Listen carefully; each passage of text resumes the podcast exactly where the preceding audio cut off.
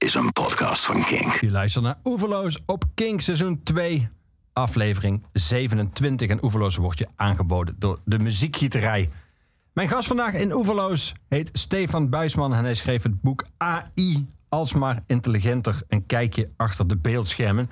Stefan, welkom. Ja, hallo. Fijn dat je er bent. Ehm, Zeker. Laten we even helemaal naar het begin gaan van dit boek. Wanneer kwam de eerste keer aan jou op dat jij een boek wilde wijden aan artificial intelligence? Ik- anderhalf jaar geleden ongeveer. Ehm, ik had toen net eh, een, boek ge- uitgesch- eh, nou, een boek geschreven over wiskunde. Eh, en ik was een beetje aan het kijken van... Goh, zijn er nog meer van dat soort wiskundige onderwerpen... waar ja, mensen niet zo heel het gevoel bij hebben... dat ze er niet zoveel van af weten, maar dat het wel belangrijk is. Ehm, en niet heel veel later kwam kunstmatige intelligentie toch wel ronddobberen. Ook omdat er ja, steeds meer van die nieuwsberichten kwamen van eh, computerprogramma's die de wereld over zouden gaan nemen, heel gevaarlijk waren, allemaal enge dingen aan het doen waren. Eh, en ik me steeds meer ging afvragen van ja, wat zit er nou eigenlijk achter? En daar bleek heel vaak helemaal niet zoveel achter te zitten. Dat ze eigenlijk een stuk dommer zijn dan dan, dan lijkt. Ja, Ehm, dus zo kwam langzaamaan het idee voor een boek over kunstmatige intelligentie, wat vooral laat zien hoe het nou eigenlijk werkt. En ja. Het een beetje minder mysterieus probeert te maken. Ja, je, je gaat eigenlijk verschillende terreinen langs en beziet daar hoe ver eh, eh, artificial intelligence al gevorderd is. Mhm. Wat er misschien in de toekomst mogelijk is eh, en ook wat niet. Ja, Ehm, en die angst komt eigenlijk wel vrij vaak terug. Bij heel veel onderwerpen zijn mensen gewoon... en je noemt best wel veel voorbeelden uit het verleden... waarin mensen bang waren voor nieuwe technologieën. Mhm. Ehm, en eigenlijk zeg je op het eind van het boek... om daar maar meteen bij aan te, aan te komen... dat die angst wat jou betreft ehm, eh, niet helemaal terecht is. Je zegt, toch ben ik optimistisch. Eh, en je zegt, die Ja. staat, uiteindelijk zijn de gevaren van kunstmatige intelligentie menselijk. En daar kunnen we altijd iets aan doen. Mhm. Eh, tegelijk brengt kunstmatige intelligentie met de mogelijkheid om patronen op te sporen en routinetaken te automatiseren enorme voordelen met zich mee. Ehm, dit, dit, dit laatste, wat je, dat, daar sluit je het boek ook mee af, die slotsom. Ja. Ehm, was dat ook jouw insteek? Of, of heeft het onderzoek daarna jou ook sommige van jouw eigen angsten weggehaald? Eh, ja, het, is, ik denk, het was in eerste instantie een beetje een vaag idee van, nou ja, zo eng zal het toch niet zijn, want het is allemaal Toch? nog niet zo. Ja. Het is nog helemaal, het gaat uite- uiteindelijk niet zo hard en er zijn niet opeens allemaal banen verdwenen en zo. Eh, maar ja, je wil toch wel, je moet wel eerst zeker weten dat dat klopt en dat het niet alleen maar een vaag optimisme is over dat het wel goed komt met de wereld, maar dat het ook echt ergens op gebaseerd is. Ehm, dus in die zin zijn die angsten wel echt wat, wat meer afgenomen in het schrijven van het boek. Aan de andere kant zijn er weer andere voor in de plaats gekomen. Voornamelijk doordat die kunstmatige intelligentie, als je er dus wat meer over leest, heel vaak dingen doet die wij niet verwachten. En Mhm. veel hele domme dingen doet die wij makkelijk over het hoofd zien. Eh, en dat dan het gebruik van die kunstmatige intelligentie op zichzelf weer problemen oplevert. Die je ja, toch wat, min, wat makkelijker over het hoofd ziet dan als iemand eh, persoonlijk dezelfde fout zou maken. Ja. Nu ben je te gast bij Kink. Hier wordt veel muziek gedraaid. We hebben hier vaak over popmuziek en over Mhm. festivals. Eh, dus een belangrijk onderwerp eh, voor mij en ik denk voor veel mensen die hier luisteren in jouw boek is kunst. Kunstmatige intelligentie en kunst. En je vraagt je uiteindelijk af: van, zou het nou zo kunnen zijn dat je met kunstmatige intelligentie eh, kunst kan maken? Niet alleen kan reproduceren, maar ook, ook nieuwe kunst. Niet alleen Mhm. nabootsen, maar ook gewoon echt creatief zijn. Ehm, laten we even samen gaan luisteren naar een stukje van een nummer dat helemaal eh, door kunstmatige intelligentie eh, is gecomponeerd. Voor vorig jaar, het heet Blue Jeans and Bloody Tears. Eh, ik zeg er wel bij, want het is namelijk een verschrikkelijk nummer, dat het Ja. ontworpen was met het doel om een, een songfestivalnummer te maken. Dus dat, dat hoor je Nou ja. ook wel, maar dan weet je in ieder geval wat de Wat, insteek was. ja, wat ze probeerden. Precies, laten we even een stukje luisteren. Ik ga hem zeker niet helemaal draaien.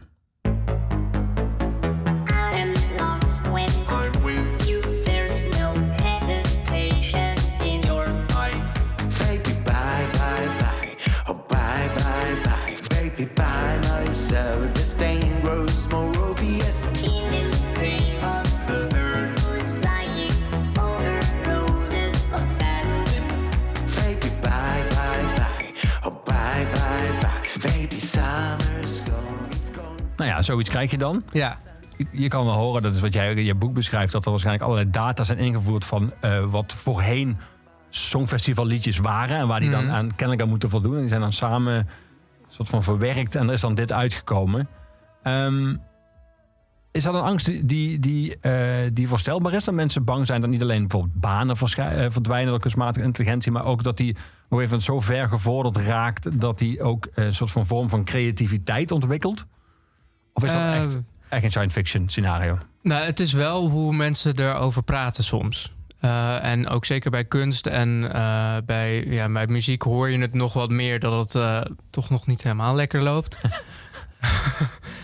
Ook bij de, bij de algoritmes van dit jaar, het, het loopt nog niet helemaal lekker. Maar ehm, het komt wel dichterbij. En ik denk dat het feit dat het lijkt op dingen die mensen zouden maken en die wij dan creatief zouden noemen, dat je daardoor wel de neiging krijgt om die computers ook creativiteit toe te schrijven. Mhm. Uh, en dat zie je ook bij bijvoorbeeld bordspellen. Als ze die, die kunnen ze nu heel goed spelen. Uh, als ze daar een zet doen die wij niet hadden verwacht, maar die wel heel goed is, dan wordt er ook al heel snel bestempeld van: oh ja, dit was een hele strategische, creatieve set. Um, die, daar, daar moet wel echt iets slims achter zitten. Uh, terwijl dat vaak helemaal niet echt zo menselijk slim is als je zou denken. Um, dus die creativiteit die zoek je er snel achter, denk ik. Mhm. Um, ook omdat kunst en muziek van die hele menselijke dingen lijken. Uh, en ook echt heel menselijk zijn. Want die manier van uitdrukken uh, in een liedje hoe je je voelt, dat, dat kan een computer echt niet. Um, maar dat kan hij dus alleen maar imiteren. Dus Ja. het is niet zo dat die computer zelf opeens heel creatief is. En uh, er is op het moment ook eigenlijk niemand die enig idee heeft hoe je dat zou moeten leren aan zo'n computer. Nee. Wat jij net uh, beschreef als het gaat over uh, creativiteit, dat idee dat als uh, kunstmatige intelligentie tot iets leidt waarbij we van onder indruk zijn, dat we dan meteen ook de neiging hebben eigenlijk te veel toe te schrijven aan Mhm. kunstmatige intelligentie.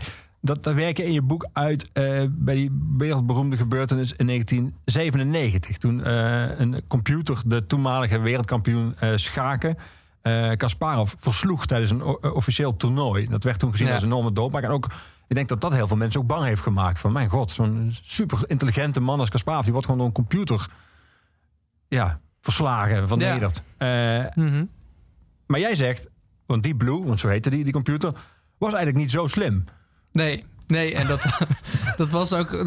Ik denk dat was ook een beetje de reactie toen. De eerste reactie was: oh help, er is een computer die kan beter schaken dan de mens. Ja, uh, en beter schaken dan de beste schaker ter wereld. Ja. Um, en vervolgens gingen ze kijken naar Deep Blue. En toen had iedereen zoiets van: oh ja, maar dit is gewoon een beetje een flauw trucje. Hij is gewoon alle mogelijke zetten aan het doorrekenen. En dan kiest hij degene die er het beste uitkomt. Ja, dus daar hoef je dan niet echt over na te. Er zat geen strategisch inzicht in of wat dan ook. Uh, of in ieder geval wat er aan strategisch inzicht in zat, dat zat allemaal letterlijk ingeprogrammeerd door mensen die wel iets van schaken afwisten.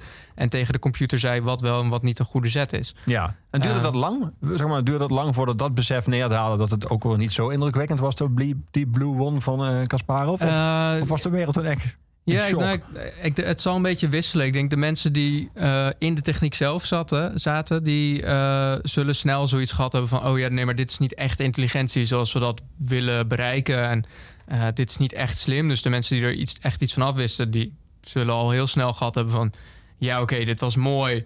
Um, maar uiteindelijk kwamen ze achter dat ze het in praktijk helemaal niet zo goed konden toepassen, die techniek van ze. Uh, maar ik kan me voorstellen dat bij het algemene publiek dat veel minder doordringt. Dat het ook met, uh, nou, we hadden het later op met Go, uh, waar ook zo'n heel mediaspectakel omheen was. Dat een computer een nog moeilijker spel dan schaken ging winnen van de beste menselijke speler op dat moment. Um, en daar is hetzelfde een beetje gebeurd van.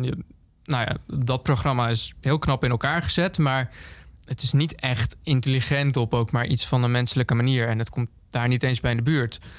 Um, en de mensen die dat gemaakt hebben, die wisten dat echt wel. Maar als je er gewoon alleen maar naar kijkt en je ziet zo'n computer winnen van een mens, dan kun je daar al heel snel veel meer achter gaan zoeken. Ja, dit is natuurlijk wel vernederend. Eigenlijk zelfs met ja, die uitleg, wel, ja. met de uitleg zelfs van jou met erbij, uitleg. is eigenlijk nog vernederend. Want hoewel die niet zo intelligent is als een mens, wint hij dus nog, nog dus toch nog. Ja, kijk, ergens is het uh, het hele grappige aan die kunstmatige intelligentie dat ze laten zien dat de dingen waarvan wij denken dat ze ontzettend moeilijk zijn en dat dat echt iets is wat typerend menselijk is, schaken, go, dat soort dingen, echt van die hele moeilijke strategische spellen, dat die heel makkelijk te automatiseren zijn en dat de dingen die wij ontzettend makkelijk vinden, autorijden, inderdaad je buurman herkennen, dat die heel heel moeilijk zijn.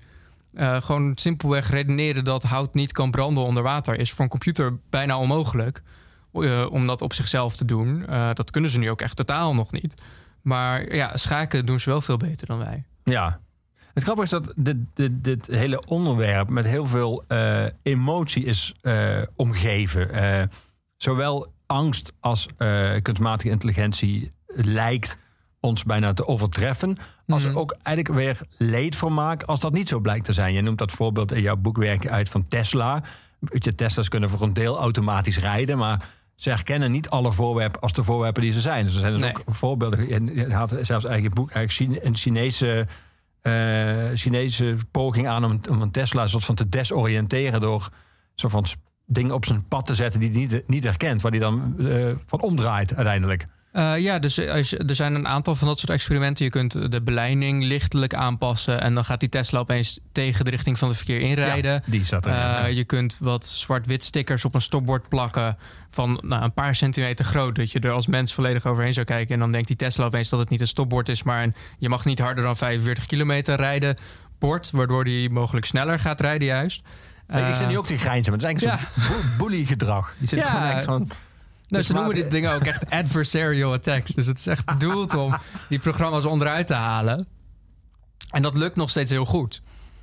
Ja, en dan zijn we Ehm. eigenlijk ook allemaal een beetje opgelucht. Ja, misschien een, misschien een beetje. Aan de andere kant, voor de veiligheid is het niet zo'n heel goed verhaal. dus dan, ga je weer, dan, dan heb je weer de andere kant dat je kunt doorschieten. En denk van ja, ik ga nooit in een Tesla zitten als hij op de automatische piloot staat. Wat ook weer een beetje overdreven is. Want in, alle norm- in de meeste normale situaties doen die dingen het hartstikke goed. Ehm, en, en zoveel stickers zitten er niet op onze stopborden en zo. Ehm, Zou jij het doen? Je hebt nog geen rijbewijs, maar stel je hebt eigenlijk een rijbewijs en je krijgt een Tesla cadeau van de, eh, van de bezige bij. bij wijze van voorschot op je vo- volgende boek. Zou je dan automatisch durven rijden? Je laten rijden door je Tesla? ja, ik zou, ik zou het prima vinden om op de automatische piloot te zetten. Maar niet om dan tegelijkertijd iets anders te gaan doen. Oké. Ehm, Je zou wel meekijken. ja, Je zou niet gaan lezen of gaan slapen. Nee, of ik gaan- denk dat, dat zover zijn we ook nog echt niet. Eh file rijden, prima. Dat, dat gebeurt niet zoveel. Ehm, maar voor de rest zijn die Tesla's toch nog net te onbetrouwbaar. En eh, lijkt het erop dat dat ook nog wel echt een tijd blijft. Dat er gewoon, zodra er iets onverwachts gebeurt... ehm, niet per se iets voor ons onverwacht dat er opeens iemand oversteekt of zo... maar iets wat die Tesla nog niet eerder gezien heeft... eh, dan gaat het mis. En dan weet je niet precies wat die, computer, wat die gaat doen voor, van tevoren. Dus dan is het toch wel beter als je zelf even meekijkt. Ja, ja. Ik ga muziek draaien, een stukje althans. eh, van de soundtrack van de film Artificial Intelligence. Die is in 1991. Dus een paar jaar voordat jij eh, bent geboren eh, kwam deze film uit. Dus jij kan die niet in de bioscoop hebben gezien, althans niet toen. Ehm, die was van Stanley Kubrick, maar die overleed helaas tijdens het maken van de film. Die is afgemaakt Mhm. door Steven Spielberg. Eh, en heel veel, in heel veel recensies speelde toen eh, een rol dat eh, Stanley Kubrick en Steven Spielberg niet alleen een tamelijk andere aanpak hebben van de film, maar ook een ander mens speelt. En ook eigenlijk een andere blik op artificial intelligence. De film gaat over een- robot, even heel simpel gezegd, een kunstmatige intelligentie robot die een soort van menselijke verlangens ontwikkelt. En sommige mensen vonden dat Steven Spielberg daar uiteindelijk dan toch een soort Spielberg sausje overheen dat het eigenlijk allemaal eindgoed al goed komt. En dus wat optimistischer dan Stanley Kubrick. Ehm, ik neem aan dat jij deze film eh, ooit nog daarna hebt gezien of niet gezien, jouw eh, liefde voor het onderwerp. Of heb je die nog, is dat nog een geheim voor jou, deze film? Ja, nee, ik denk dat die nog moet eigenlijk. Oké. Ja, Lijkt me grappig om met alle kennis die jij nu hebt... Dan te ja kijken om er dan op terug te kijken hoe, realistisch het dan is. 1991 Ja. Naar, die, naar dat onderwerp werd gekeken. Mhm. Ehm, John Williams, de grote John Williams, eh, was een van de mensen die tekende Mm. voor de filmmuziek. We gaan even een stukje draaien van Where Dreams Are Born, van de soundtrack van Artificial Intelligence.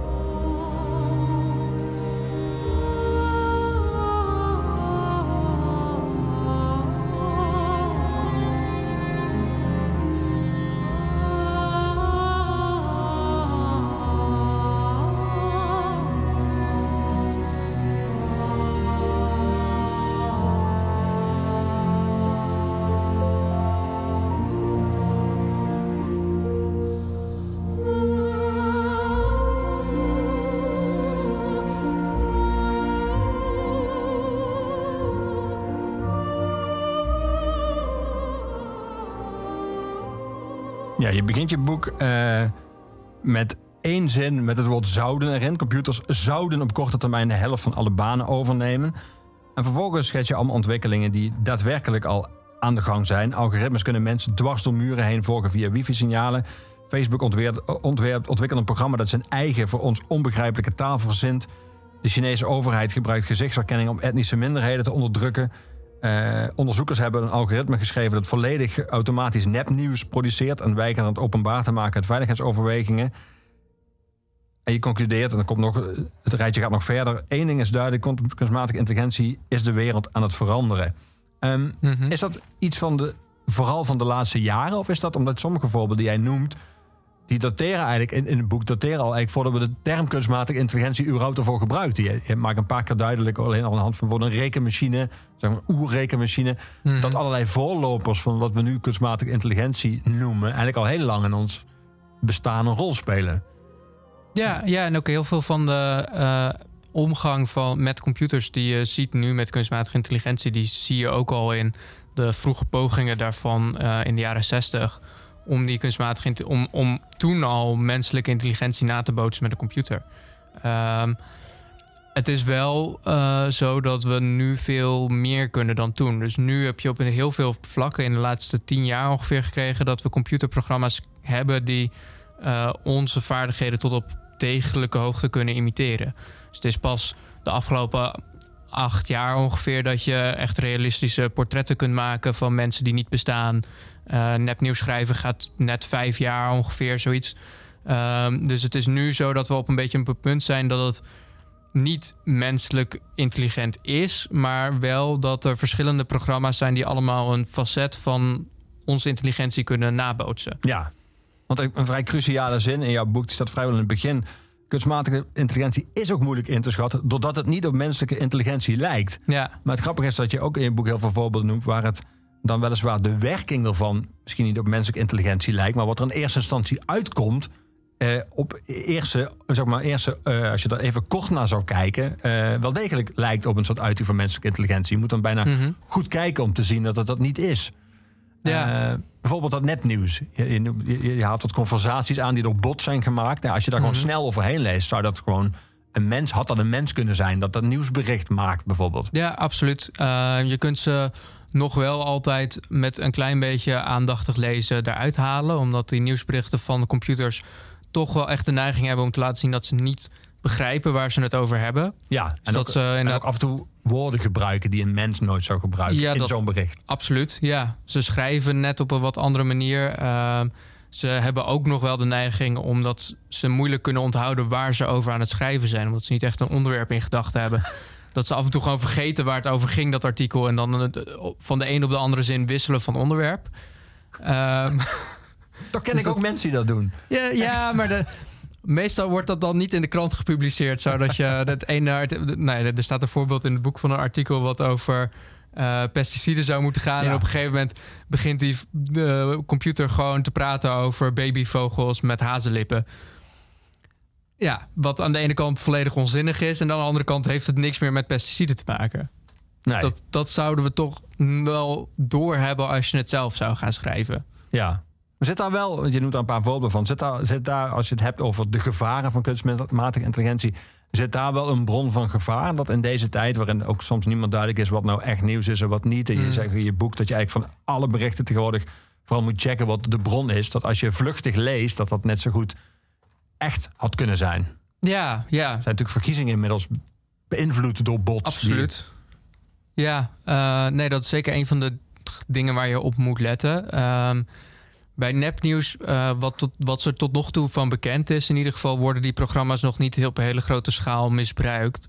Eh, dus dat algoritme wat in het begin van het boek genoemd wordt, wat automatisch nepnieuws schrijft, dat is uiteindelijk na een jaar wel openbaar gemaakt, omdat eh, de makers ervan ook zeiden van, nou ja, we hebben geobserveerd wat er gebeurde met soortgelijke algoritmes en dat ging allemaal prima. En ze hebben ondertussen een betere versie gemaakt, net een maand geleden ongeveer. En die is tegen betaling gewoon te gebruiken. Eh, die is nog weer honderd keer groter dan het vorige algoritme, dus doet het nog weer ietsjes beter. Eh, maar dat is gewoon toegankelijk als je ervoor betaalt. Eh, en ik denk dat hier deels de reden is dat nepnieuws maken helemaal niet zo duur is. Je kunt allerlei mensen betalen om het te doen. En die mensen die zijn er veel beter in, want die snappen wat de politieke situatie is, wat voor soort nepnieuws nou ja, relevant is, wa- waar, eh, op welke manier je mensen hun emoties kunt aanspreken. En dat weten die computers allemaal nog helemaal niet. Nee. Uh, dus als je ze een tekst geeft, uh, een aanzet voor een artikel, dan kunnen ze daar wel verder. Maar dan moet er alsnog iemand die aanzet bedenken. En je kunt niet tegen die computer zeggen: Nou, kijk naar wat er in de politiek gebeurt en schrijf er iets goeds bij en doe dat een miljoen keer. Uh, en, en overspoel zo het echte nieuws. Dat, dat werkt allemaal nog niet. Nee. Um, nog niet? Of niet? Nou, nu sowieso niet. Uh, en ik denk dat ook dat heel lang nog gaat duren, omdat je daar uh, een begrip nodig hebt van de context. Van wat de politieke situatie is, wat degene die dat nepnieuws laat schrijven door zo'n computer wil bereiken, wat voor positie die wil innemen enzovoorts. Uh, en dat contextuele begrip van onze samenleving, van hoe menselijke politiek werkt, dat zit er nog helemaal niet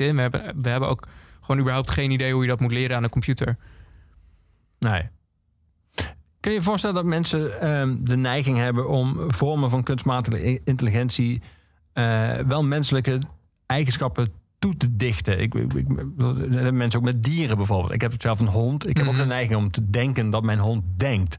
Ja. Uh, en om zeg maar ook een taal van wat wil die nou zeggen? Gewoon allerlei best wel menselijke eigenschappen op een hond mm -hmm. te projecteren. Ik kan me voorstellen dat als een, een vorm van kunstmatige intelligentie ook nog een soort van een soort uiterlijk heeft dat dat soort van knuffelbaar is of troetelbaar of een robot die er een beetje soort van schattig uitziet met handjes en voetjes en zo. Dat je toch al snel de neiging hebt om een soort van allerlei menselijke projecties op los te laten. Ja, ja dat gebeurt ook. Uh, en al heel lang. Uh, dus daar heb je helemaal niet eens per se een troetelbaar uiterlijk voor nodig. uh, dat was in de, in de jaren zestig was het gewoon zo'n DOS-promptje. Uh, wat precies uh, de zin die je erin typte herformuleerde tot een vraag. En dan vonden mensen ook meteen van... oh ja, nee, dit was echt de beste... Een, een, serieus gesprek met iemand die echt mij begreep... en met me meeleefde. En uh, het was voornamelijk opgezet als therapiesessie... omdat het dan wat minder gek is als iemand alleen maar vragen stelt... Uh, maar ze vonden dat de, sommige deelnemers daarvan, ondanks dat ze heel goed wisten: het is maar een computer, hij snapt helemaal niks. De, waren er toch van overtuigd dat het het beste therapeut was die ze in jaren hadden gehad. En ja, er staan ook wel van die gesprekken in het boek inderdaad... Ja. dat mensen dan vinden van... ja, nou, je, bent, je lijkt echt op mijn vader. Ja. En uh, heel, heel erg emotioneel worden richting die computer. Terwijl die eigenlijk helemaal niks kon. Nee. Ik, ik moest daar heel erg om lachen in het boek, maar ik werd ook een beetje verdrietig van. Want dat is toch wel een soort existentiële behoefte aan menselijk contact... die dan kennelijk toch niet is ingelost in zo'n leven dat je dan denkt, oké, okay, dan, dan deze maar, de computer, want die is niet. Ja, misschien. Uh, deels hebben we sowieso gewoon die neiging met technieken ook om dat te gaan doen. Dat als iets uh, niet werkt, dat je het dan gaat slaan en zo. dat dat ja. doe je toch al. dus die, ik weet niet of het per se ligt aan een gebrek aan menselijk contact, of meer gewoon aan een neiging om overal gedachten in te lezen. Ja. Uh, en dan als een computer een gesprek lijkt te voeren, want die vragen die hij terugstelt, die zijn meestal nog wel relevant. Zeker in die therapiesessie waar mensen echt aangemoedigd werden om tegen hem te praten als, een als ze tegen een therapeut zouden doen. Ja. Um, dan valt het allemaal mee. Als je er nu uh, online zelf gewoon een normaal gesprek mee wil gaan houden, dan heb je die indruk helemaal niet zo. Omdat je er veel meer een nou ja, gesprekspartner in verwacht. En die krijg je niet, want hij gaat niks inhoudelijks terugzeggen. Um, en dat heb je met chatbots nu op websites en zo ook. Van, die ga je niet, je gaat niet zo snel denken van, oh, wat ben ik emotioneel gehecht aan de chatbot van bol.com. Uh, ik denk dat dat zou je niet zo snel hebben. Uh, maar de neiging dat als je iets ziet wat menselijk oogt, om daar dan echt iets menselijks achter te zoeken, die hebben we al heel lang. Ja. Uh, ik denk ook niet dat die weggaat. En dat is een van de ja, toch wel gevaren aan die techniek, omdat ze dus veel dommer zijn dan mensen, maar je verwacht dat ze het even menselijk doen. Uh, dus je, je ziet die fouten niet aankomen als ze ze maken. Ja, ja. Ik moet nu denken, ik heb twee vrienden die allebei een vrij grote tuin hebben en zo'n elektrische, uh, zo'n zo'n robot grasmaaier ja. hebben. Die hebben ook in beide gevallen een naam bijvoorbeeld. Ja, ja. En die vinden het allebei ook heel knap dat hij dan, zoals ze dat zeggen, zelf teruggaat naar zijn uh, basis om zichzelf op te laden. Dus ook daar. Ja, nee, nee, ook, die, ook die ga je dan. Uh, vrienden van mij hebben er ook zo'n ding. Die, die beginnen dan ook inderdaad zeggen van de. Ja, nee, hij wil nu ja, hij wil... uh, hierheen. Of ja, ik snap niet wat hij wil. Hij is nu een beetje gek rondjes aan het draaien. Wat, wat heeft hij nou in zijn hoofd gehaald? Dan ga je heel menselijk tegen praten. Ja. ja. en daar zit helemaal niks achter. Nee. Zelfs geen kunstmatige intelligentie. Nee, nee. Ja, laten we muziek gaan draaien. Ik- weet niet waarom, want het, het heeft eigenlijk niks met kunstmatige intelligentie te maken. Maar tijdens het lezen van je boek moest ik toch heel vaak denken aan eh, de virtuele band eh, Gorilla's. Dus laten we daar eens een nummer van gaan draaien. Feel Good Inc. Er zijn Gorilla's.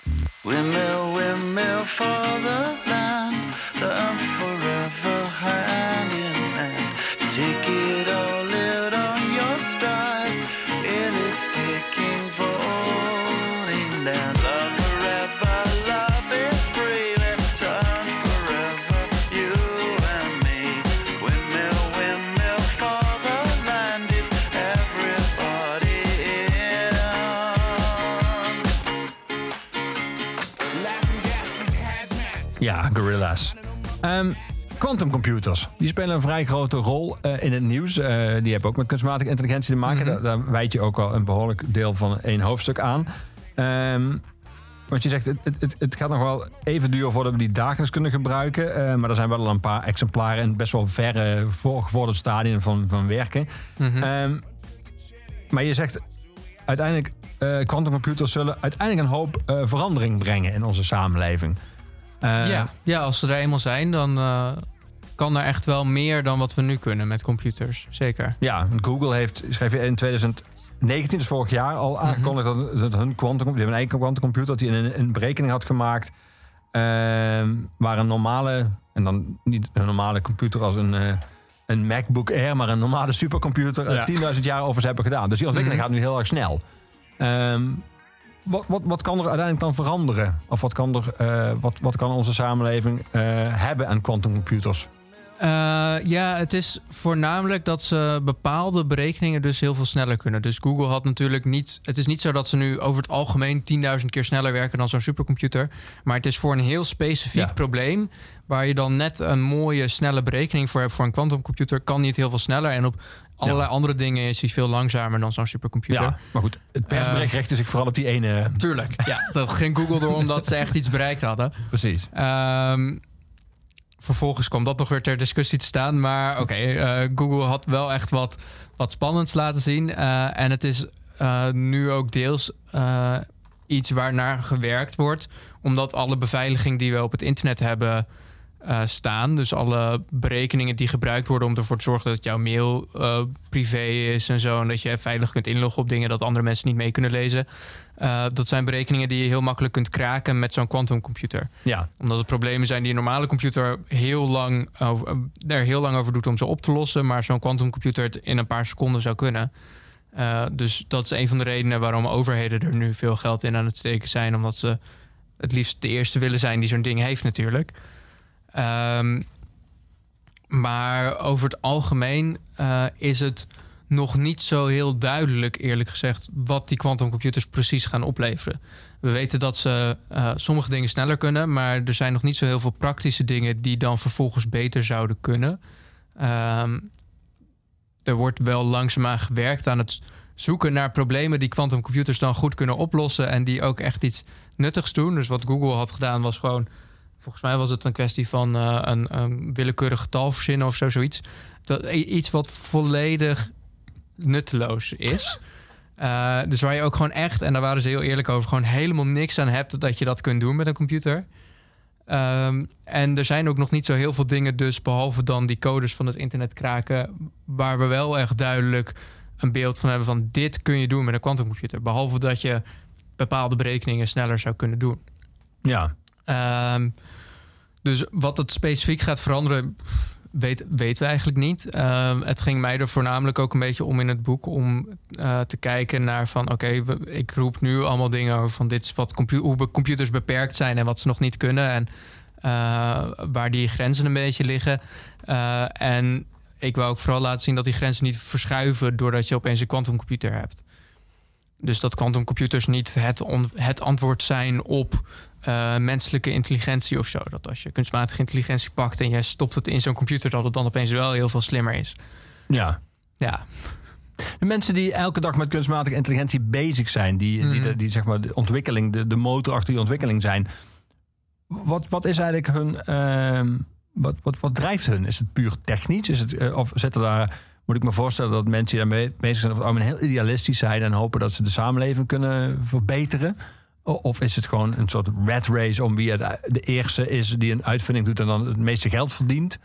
Wat voor wereld is dat? Eh, ja het, zal, het zal een beetje wisselen afhankelijk van waar je naar kijkt. Eh, heel veel van de onderzoekers zitten gewoon aan universiteiten of aan onderzoekslabs die al hun eh, vindingen openbaar publiceren.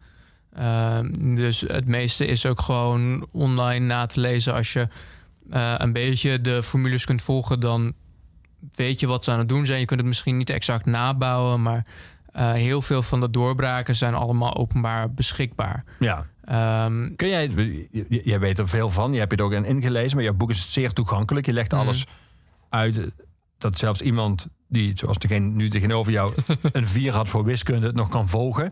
Eh, maar als jij zelf je ging verdiepen, haakte je dan op een gegeven moment ook af, omdat sommige dingen, ja, tof dat jullie het openbaar hebben gemaakt, maar ik snap daar helemaal niks van. Of is het eigenlijk nog wel steeds voor, zeg maar, beta, mensen met een beta-achtergrond nog steeds wel allemaal goed te volgen? Uh, er zijn sommige punten waarop ik ook zoiets had van... oké, ik, ik geloof het wel even van dit, de- deze specifieke details doen er voor mij niet toe. De, de algemene dingen, de principes daarachter en zo... die worden wiskundig ook vaak heel netjes uitgelegd door verschillende mensen. Uh, dus dat, dat lukt allemaal wel. De, weet je, de echte hele specifieke details van hoe ze een bepaald optimalisatieprobleem hebben opgelost of zo... heb ik ook niet de tijd voor genomen om daar helemaal in te duiken. Uh, ook omdat dat voor het boek niet hoefde. Nee. Um, dus daar ben ik af en toe ook gewoon een beetje lui in geweest. Uh, maar in principe, het, ik denk het, het kan. Je moet wat extra wiskunde aanleren dan wat je op de middelbare school hebt gehad. Um, maar met, met wat meer tijd is het vaak wel te doen. Ook omdat er heel veel van die wat meer technische introducties te vinden zijn op internet. Ja. Um, maar ja, het blijft uiteindelijk allemaal wiskunde die je dan moet leren. Um, wat betreft dan nog die onderzoekers, ja, dus de, ik denk de meeste die zitten er ook wel in bij Google en zo. En, en DeepMind en OpenAI, de, de soort echt hele leidende uh, groepen nu die eraan mm -hmm. werken. Deels voor idealistische redenen, dat ze willen uh, ja, uitvogelen hoe, hoe je computers intelligenter kunt maken. En uh, ook uh, zeker bij OpenAI en, en dat soort vakgroepen, waar ze willen kijken naar hoe je computers zoveel mogelijk kunt laten helpen. Dus als je ook echt actief computers proberen te trainen in om coöperatief te handelen, samen te werken met andere, met andere computers of met mensen. En dat proberen te combineren met dingen. Dus dat is ook een van de labs die in eerste instantie een algoritme geheim hield, omdat ze bang waren dat mensen het zouden misbruiken.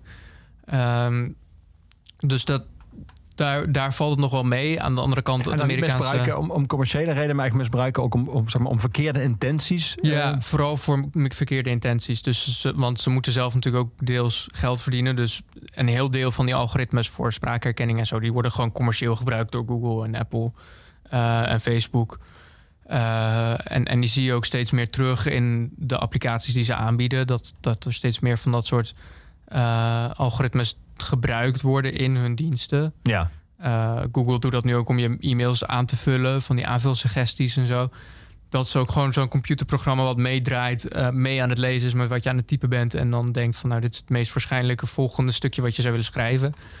Um, het grappige is, dat vinden mensen van het algemeen altijd heel handig. Ja. Maar als ze iets googelen en vervolgens zetten ze een Facebook aan en ze krijgen een advertentie op exact datgene wat ze net gegoogeld hebben, zijn ze vaak heel verontwaardigd. Ja, dan, is het, dan, is het weer, dan gaat het net een stapje te ver. Of als het dan eh, een algoritme is die verschillende van die dingen samengevoegd heeft tot van oh, waarschijnlijk ben je dan hierin geïnteresseerd en dat krijg je dan te zien. Dan kunnen mensen daar weer heel bang over worden. Alsof, eh, eh, maar dat is minder lokaal, denk ik. Dus het is in dit geval bij je e-mails is het iets wat je als mens ook heel makkelijk kunt doen. Want je denkt van, oh ja, natuurlijk, ik ben nu een zin aan het typen over prima, ik kan daar, daar en daar wel afspreken. En dat je dan eh, bijvoorbeeld daarna zou zeggen tot dan. Dat, dat weten we allemaal en dat kunnen we zelf ook allemaal prima. Ehm, maar het is voor ons moeilijker om bij te houden wat iemand de afgelopen twee weken heeft gezocht. Eh, en daar dan van, op van te concluderen, oh hier krijg je deze advertentie te zien. Nee, dat is een proces wat je veel minder kunt voorstellen ook. Ja. Wat je als mens niet zo zou doen. Terwijl technisch was het moeilijker om die automatische suggesties voor je e-mails te maken. dan, ja. Eh, dan om je advertenties aan te bieden. Want die advertenties die krijgen we al eindeloos lang. Maar die e-mailsuggesties die kunnen ze nu net een jaar ongeveer. Ehm, dus ja, dat, dat hangt ook een beetje vanaf van wat je zelf verwacht, denk ik. En hoeveel je dan denkt. Eh, want als je, als je zo'n advertentie krijgt, dan denk je van... oh, als, als ik dit zou moeten doen... dan moet ik dus dit allemaal weten over jou... en heel veel van jou begrijpen... en precies weten hoe je in elkaar zet... om je deze advertentie te kunnen laten zien. En dan denk je, zo, oh wacht, maar dan weet Facebook dit allemaal. En bij je e-mail heb je dat niet. Nee. Hoe ben jij zelf met jouw privacy op dat gebied? Heb jij bijvoorbeeld een Facebook-account en zit je op Instagram en zo en op Twitter? Of heb je dat juist allemaal zo weinig Nee, ik heb, het, ik heb het nog wel. eh, voornamelijk voor, om contact te houden met andere mensen. Dus ik ben niet heel actief of zo erop. Ehm, dus ja, ik zit er een beetje tussenin. Ik ben niet eh, heel erg panisch over mijn privacy of mijn, eh, mijn data. Misschien zou dat meer moeten, ik weet het niet. Ehm, het, het- dat, dat blijft ook een beetje lastig om, om goed in te schatten. Ik vind het op zich heel fijn dat de EU daar nu drukker mee bezig is. eh, en dat er meer aandacht naartoe gaat. Ehm, maar het is ook der, ergens eh, een probleem waar je moeilijk omheen kan. Want om al die diensten te gebruiken, moet je data inleveren. Dus je hebt ook niet bijzonder veel keus. Nee, nee. Waar jij volgens mij best wel vrolijk over hebt gemaakt bij het schrijven van het boek. en in ieder geval vrolijk is om te lezen. Is eh, de toepassing van allerlei vormen van kunstmatige intelligentie op het gebied van daten. Eh, Ja. Als je het hebt over Tinder nu, eh, maar ook al Mhm. zeg maar, de vele voorlopers van Tinder en van, eh eh van dating services. De eerste eh, die was in 1965 is die ontstaan. En in 1967 was die eh, beschikbaar in Nederland. Die werkt aan de hand van 75 meer keuzevragen aan jou Mhm. en je ideale date. Eh, je hebt een QR-code opgenomen en een link achter een boek waar je die 75 vragen kan lezen. En die, dat is bijna nu onvoorstelbaar dat je dat. Er zitten sowieso heel veel termen in die nu zeg maar niet meer kunnen, of in ieder geval Nee. op zijn minst niet meer onomstreden zijn. Maar het zijn ook, het is ook een manier van denken over dat mensen bij elkaar passen die, die nu heel gedateerd lijkt of is. Ja, in, zekere zin eh, snap ik het idee. Het, eh, je geeft aan eh, wie je bent, hoe lang je bent, hoeveel geld je eh, ouders verdienen enzovoorts. Informatie die je nu inderdaad echt absoluut niet aan. Nou, het waren toen drie studenten aan Harvard, waar dan duizenden mensen alle, al die inkomensinformatie en zo naar op gingen sturen. Wat volledig idioot is dat mensen dat toen gewoon deden.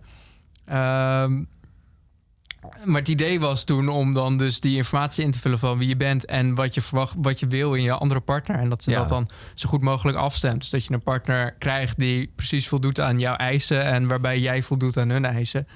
Eh, ja, we, op zich, het werkte deels. Er zijn echt wel koppels uitgekomen, maar ehm, zo makkelijk is het natuurlijk niet met daten. Dat, ik denk dat iedereen dat ondertussen ook wel weet. Dat je ten eerste klopt je eisenlijstje vaak helemaal niet met de partner waarmee je uiteindelijk eh, een relatie begint. Ehm, in ieder geval qua, qua onderzoek is dat volgens mij wel algemeen bekend. Dat je, eisen, je eigenlijk helemaal niet zo goed weet wat voor partner jij eigenlijk eh, wil hebben of waar je voor valt.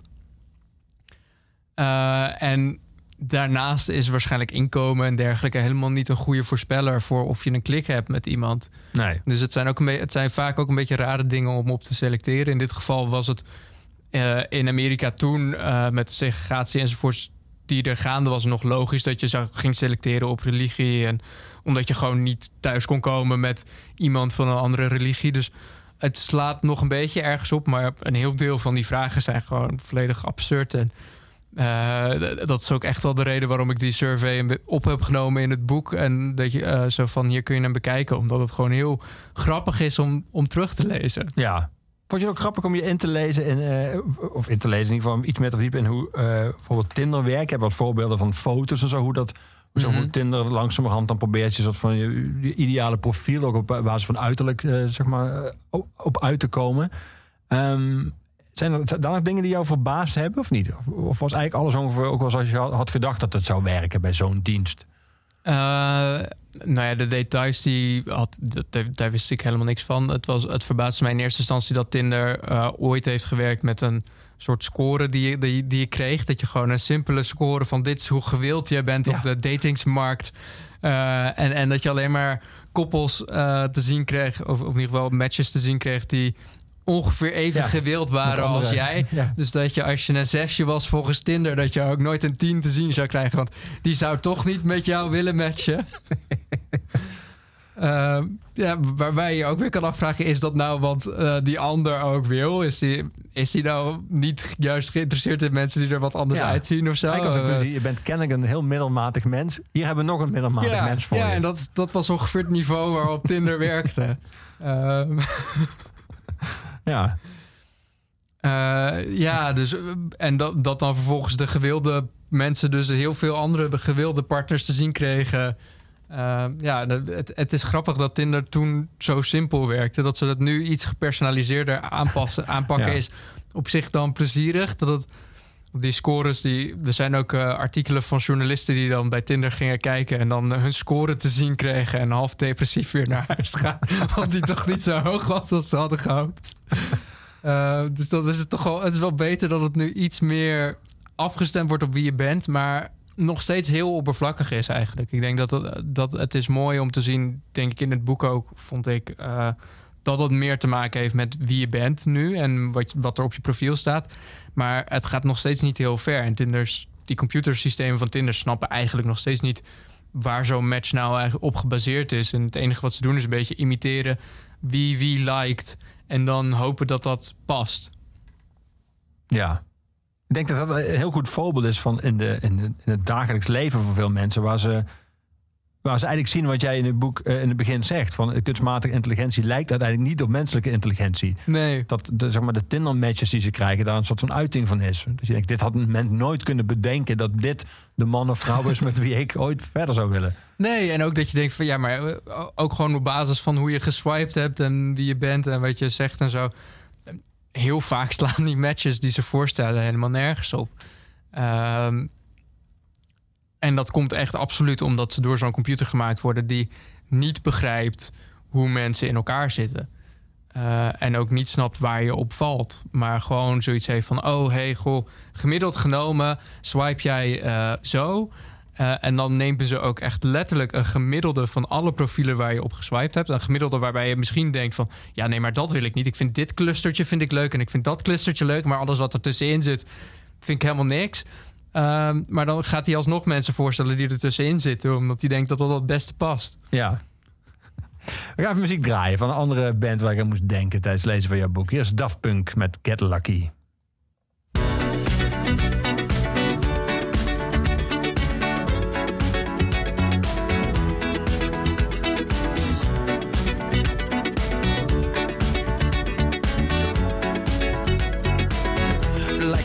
Legend of the phoenix. huh. All ends with beginnings. What keeps the planet spinning? Ah, the force from the beginning.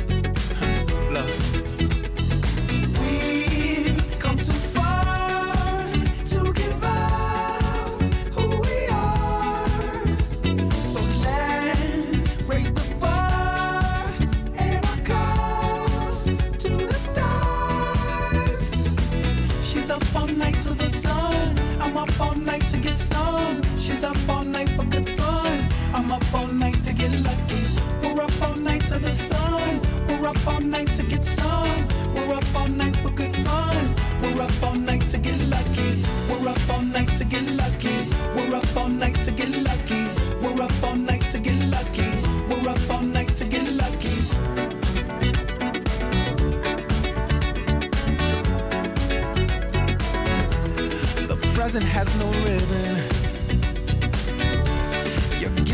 Keeps on giving. What is this I'm feeling? If you wanna leave, I'm with it. Ah. Ja, samen met Nile Rodgers en met Pharrell Williams. Daft Punk met Get Lucky. Eh, Stefan, er verscheen onlangs een eh, hele interessante en ook echt goed geschreven roman van Ewout Kief, De Onvolmaakte. Enkele Mhm. weken geleden zat hij precies op de stoel waar jij nu zit. Eh, waarin eh, kunstmatige intelligentie ook een best wel belangrijke rol speelt. Ja. Eh, en die ook heel erg gaat over wat dat nou, eh, even heel simpel gezegd, over ons mens zijn zegt. Wat nou eigenlijk de, de, ik zou bijna zeggen, de essentie is van mens zijn. Is dat uiteindelijk een vraag waar je onvermijdelijk op uitkomt als je met dit onderwerp bezighoudt?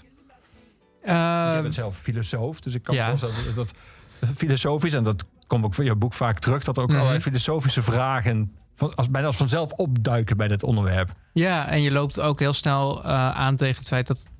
eh, nou, deels wat, wat maakt ons mens en deels ook... Voor de, vanuit de techniek is de vraag dan heel erg van... oké, we zien, we kunnen met onze computersystemen nu iets imiteren... maar het echt redeneren, dingen doen... eh, zoals mensen dat kunnen, dat kunnen we nog niet. Dus die vragen zich af, hoe doen we dit in vredesnaam? Want die willen het kunnen nabouwen.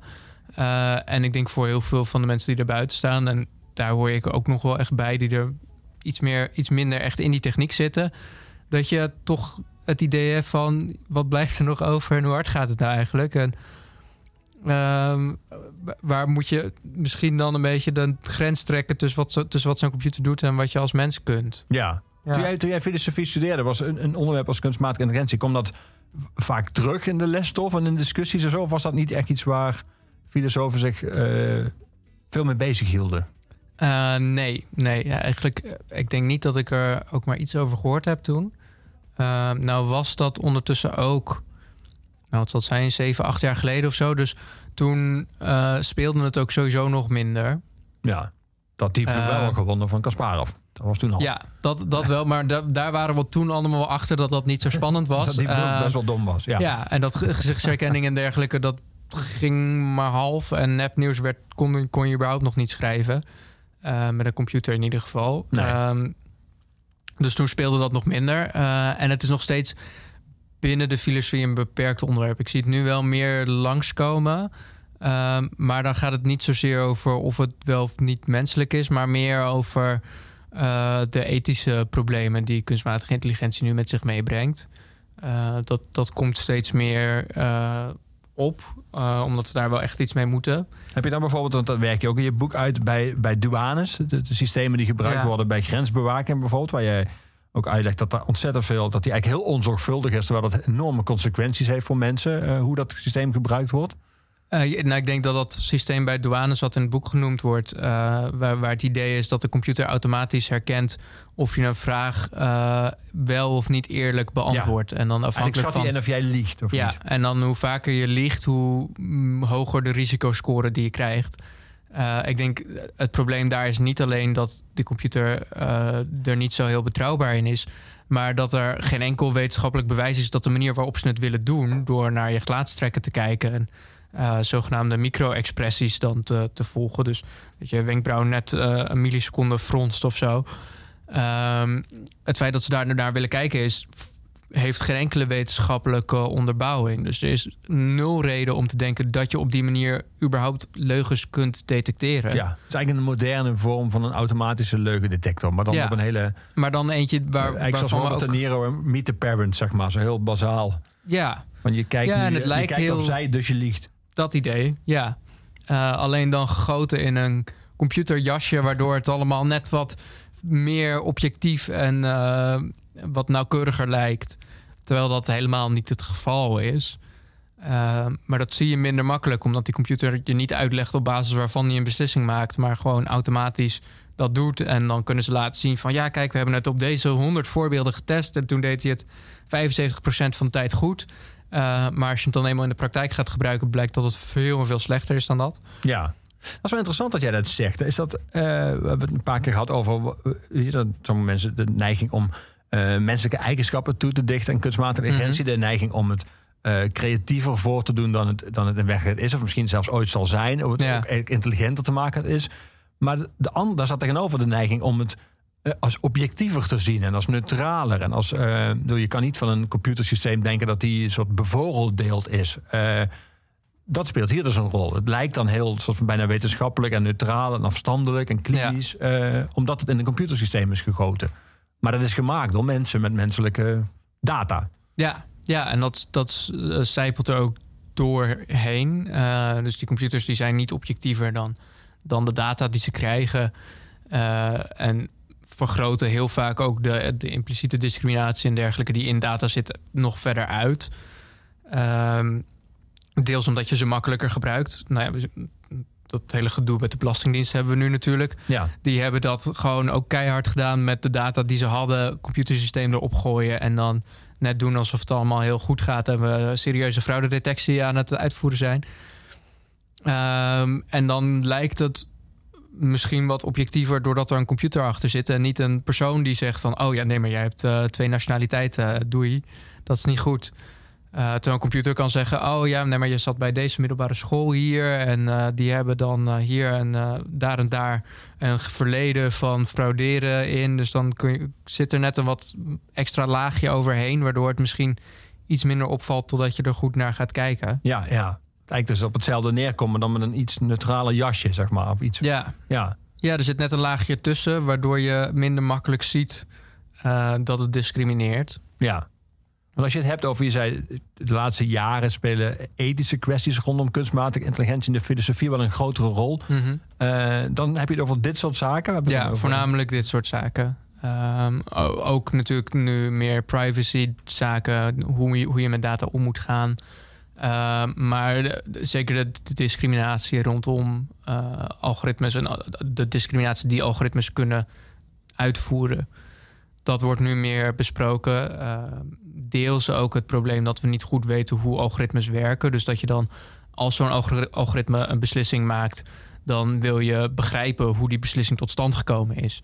Uh, maar bij heel veel van de moderne kunstmatige intelligentie werkt dat niet. Weten we niet goed uh, op basis waarvan hij die beslissing gemaakt heeft. Want het zijn gewoon ergens een miljoen berekeningen die hij gemaakt heeft. Uh, en de computer kan je niet even mooi uitleggen van... oh ja, ik heb besloten dat je geen hypotheek krijgt... omdat je nog een hoge schuld uitstaat, uit hebt staan daar. Uh, dat kan niet. Dus dan is de vraag uh, ook van... wat telt dan wel als een, uit, als een verklaring van die beslissing... en uh, hoe kun je dat goed uitleggen? Kun je dat überhaupt goed uitleggen? Eigenlijk is er geen transparantie dan. Nee, nee die Eigenlijk een beetje die scène in Little Britain van Computer Says No. Als iemand een boeking wil doen en, dan, en dat is dan Ja. de uitleg. En dat is dan, ja. En verder dan kun je ook niet. Uh, en dat is een van de hoofdredenen waarom de EU het uh, heeft verboden om puur alleen maar dat soort systemen te gebruiken om beslissingen te maken. Uh, maar in de VS kan dat. Dan heb je een sollicitatiegesprek en dan aan de andere kant zit een computer. En die zegt op het einde nee. Uh, en dan ja, jammer. Uh, en niemand die je kan uitleggen waarom die computer nee heeft gezegd. Behalve dat je niet door bent naar de volgende ronde. Ja. Uh, dus daar gebeurt dat wel echt. Maar je zou, je zou toch denken dat je dat soort van. Dat, ik kan me voorstellen dat heel veel werk is. Maar dat je uiteindelijk kan traceren waarom die nee zeggen. Omdat alle data die er ooit zijn ingevoerd, die, die, die staan nog ergens. Even heel simpel gezegd. Dus je zou, het helemaal, je Ehm. zou de hele film kunnen terugdraaien. Uh, Ja, maar hij, hij reproduceert niet exact de data. Wat hij, wat hij doet, is hij zoekt naar uh, patronen om beslissingen op basis van te maken. Dus je stopt er data in, hij roept iets van deze kandidaat is geschikt. En dan vervolgens vergelijkt die computer dat met wat er echt gebeurd is. En dan past hij zijn berekeningen een beetje aan. Uh, je kunt dat best allemaal terugtraceren als je er heel veel tijd voor neemt. Uh, en je kunt ook, uh, dat is iets makkelijker, in ieder geval iets minder werk... Uh, gewoon voor het specifieke geval terugkijken naar van... oké, okay, dit is de informatie die ik erin gestopt heb over deze kandidaat. Dit is de anderhalf miljoen berekeningen die je gedaan hebt met die informatie... en daar kwam uiteindelijk dat uit. Dus je zou misschien al die berekeningen door kunnen gaan... maar je weet nog steeds niet waar iedere individuele berekening ja. voor staat. Dus je kunt hooguit zien welke factoren meer meespelen... en welke factoren wat minder meespelen. Uh, maar je kunt niet, zoals je bij een mens kunt... Uh, vragen waarom uh, een bepaalde factor niet alleen belangrijk was, maar tot die uitkomst leidde. Dus die redenatiestap die kun je er niet in terugvinden. Deels omdat die er niet in zit, omdat die computer gewoon alleen maar patronen aan het zoeken is en zegt van: oh ja, als ik dit vaak zie, dan zeg ik gewoon dat, want meestal heb ik het dan goed. En er verder niet over nadenkt. Um, Dus, dus deels zit dat er gewoon niet in. Eh, maar deels kun je ook niet meer precies Nee. vinden wat hij er allemaal mee gedaan heeft. Omdat hij er dan gewoon 3 miljoen dingen mee doet. Eh, en ja, zeg, vind dan maar een manier om dat in woorden uit te drukken die nog enigszins te volgen is. Nee. Laten we muziek gaan draaien. Toepasselijker kan bijna niet, vind ik, bij dit deel van ons gesprek. Eh, we gaan luisteren naar de Killers met Human.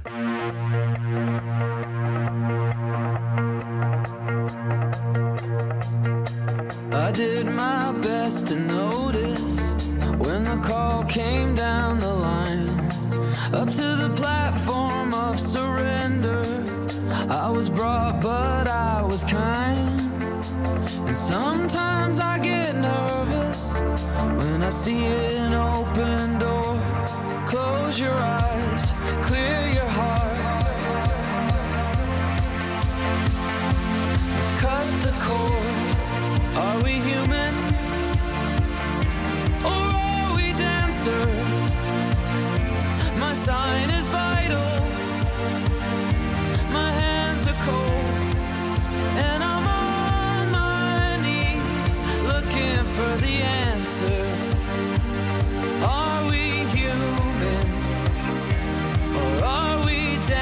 dancer?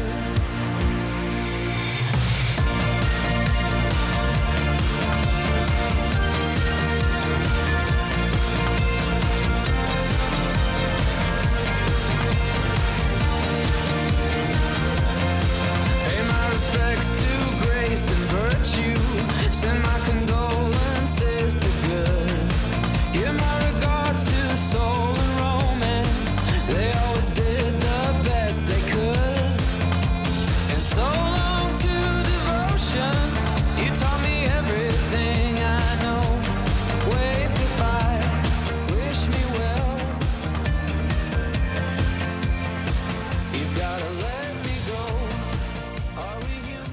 Stefan, jij eh, studeerde filosofie aan de Universiteit van Leiden. Waarom, eh, wat was jouw belangrijkste reden om filosofie te gaan studeren destijds?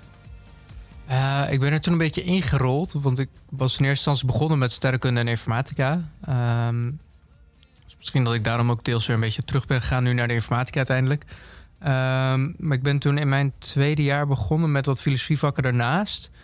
Ehm, en voor mij was het op dat moment heel erg een bevrijding om gewoon, ehm, ja, ik denk voornamelijk ook zo snel te kunnen werken als ik dacht. Dus ik was bij sterrenkunde vooral eh, en, en met coderen bij informatica.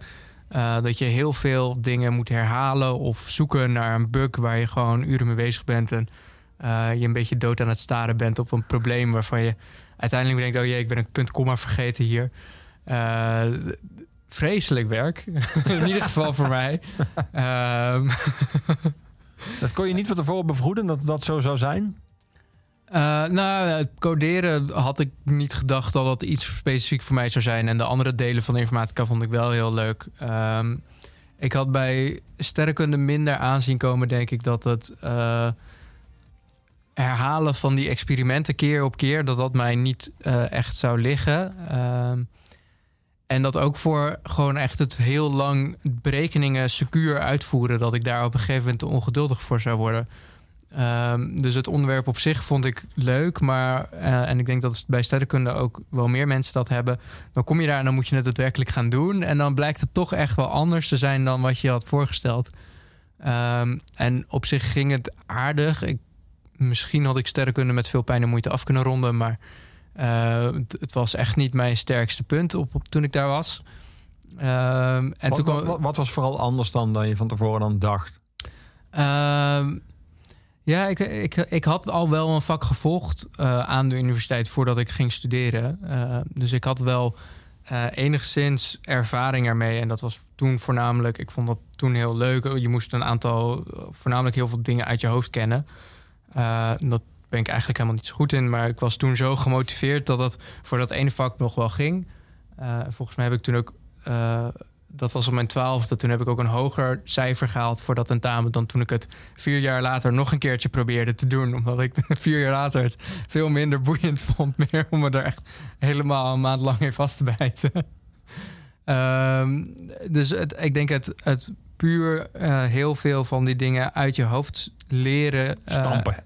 Het, stampen en het constant herhalen, eh, dat lag mij veel minder. En dan was filosofie, waar het voornamelijk ging om eh, inzicht en zelf eh, nieuwe dingen zoeken, zwakke punten in argumenten vinden, nieuwe theorieën bedenken voor hoe iets in elkaar zou kunnen zitten. Dat, dat was waarom ik in eerste instantie ook nou, de, de beta-wetenschappen in was gegaan om dat te doen. En filosofie was een mooie manier om dat te kunnen doen zonder al dat stampwerken en al die experimenten herhalen. Waar eh, ik heel blij ben dat andere mensen er goed in zijn, maar het mij gewoon niet, niet echt ligt. Nee. Het, vooral dat, is een keer zo, dat repetitieve ervan. Dat, Ja, nee, dat, lag mij, dat, dat ging gewoon niet. eh, dat lag mij helemaal niet. Daar werd ik te ongeduldig van. Dat eh, word ik ook heel slordig van. Dus dan kan ik het wel proberen en de proberen te herhalen. Maar bij de derde keer dan let ik niet goed meer op en dan gaat het gewoon mis. Ehm, Ja, maar moet je daar, ja. als, je, als je daar goed in wil zijn en iets heel repetitief, moet je dan, moet je dan elke keer opnieuw van de noodzaak zien om het nog een keer zo te doen? Of moet je bijna een soort van kick vinden in het feit dat je het elke keer precies hetzelfde kan doen? Of wat? Wat, wat, wat, wat Ja, denk misschien er dat- komen op zich er komen wel bij, ook bij experimenten ook wel andere resultaten uit. Maar ik denk er moet een zekere eh, secuurheid in zitten. eh, en, en focus op die details. En daar dan het geduld voor om dat eh, echt tot op de bodem toe uit te willen zoeken. Eh, en bij mij werkt het eerder dat ik eerst eh, heel erg een overzicht wil hebben van hoe dingen in elkaar zitten in grote lijnen. En dan daarna, als het nodig is, wel details ga uitzoeken. Maar de details vind ik minder eh, interessant dan de, de algemene grote lijnen. Eh, en daarom ligt bijvoorbeeld ook zo'n boek als eh, dit mij beter, omdat het hier ook in het boek heel erg gaat om ja, hoe werkt het nou in algemene zin? Wat moet Ja. je ervan vinden? Wat moet je ermee? Eh, en niet heel erg om hoe dit ene specifieke dingetje in elkaar zit. Nee, als jij in je boek inzoomt, doe je dat om het grote verhaal duidelijk te maken. Of om Ja. een illustratie te geven bij een groter punt. Precies. het tegenovergestelde dus van wat je geacht werd af en toe te doen. eh. Ja, dus voor mij gaat het dan heel erg om dat grote verhaal. En dat is iets waar filosofie ook op focust. Dus filosofie was Ehm. voor jou een soort van bijna het gevoel alsof de, de ramen werden opengezet, als ik het zo hoor. Ja, ik, ik, al- ik gestudeerd. was er al wel deels mee bezig. Eh, dus ik had al wel wat, wat filosofie gelezen en zo. En ik had in eerste instantie ook wel het plan om dan in het tweede jaar er een beetje filosofie bij te doen. Maar eh, toen ik het daadwerkelijk ging doen, was het, beviel het nog weer beter dan ik had aanzien komen. Dus toen ben ik een beetje half stiekem overgestapt en eh sterrenkunde langzaamaan verwaarloosd. Totdat dat toch echt niet meer te halen was. Eh, en toen maar officieel laten vallen eh, en, en filosofie gaan doen. Ja. Heb je wel eens contact gehad daarna met mensen die wel zijn, eh, die de studie sterkunde wel hebben afgemaakt? En Ja, ik ben ook nog wel bevriend met mensen uit die tijd.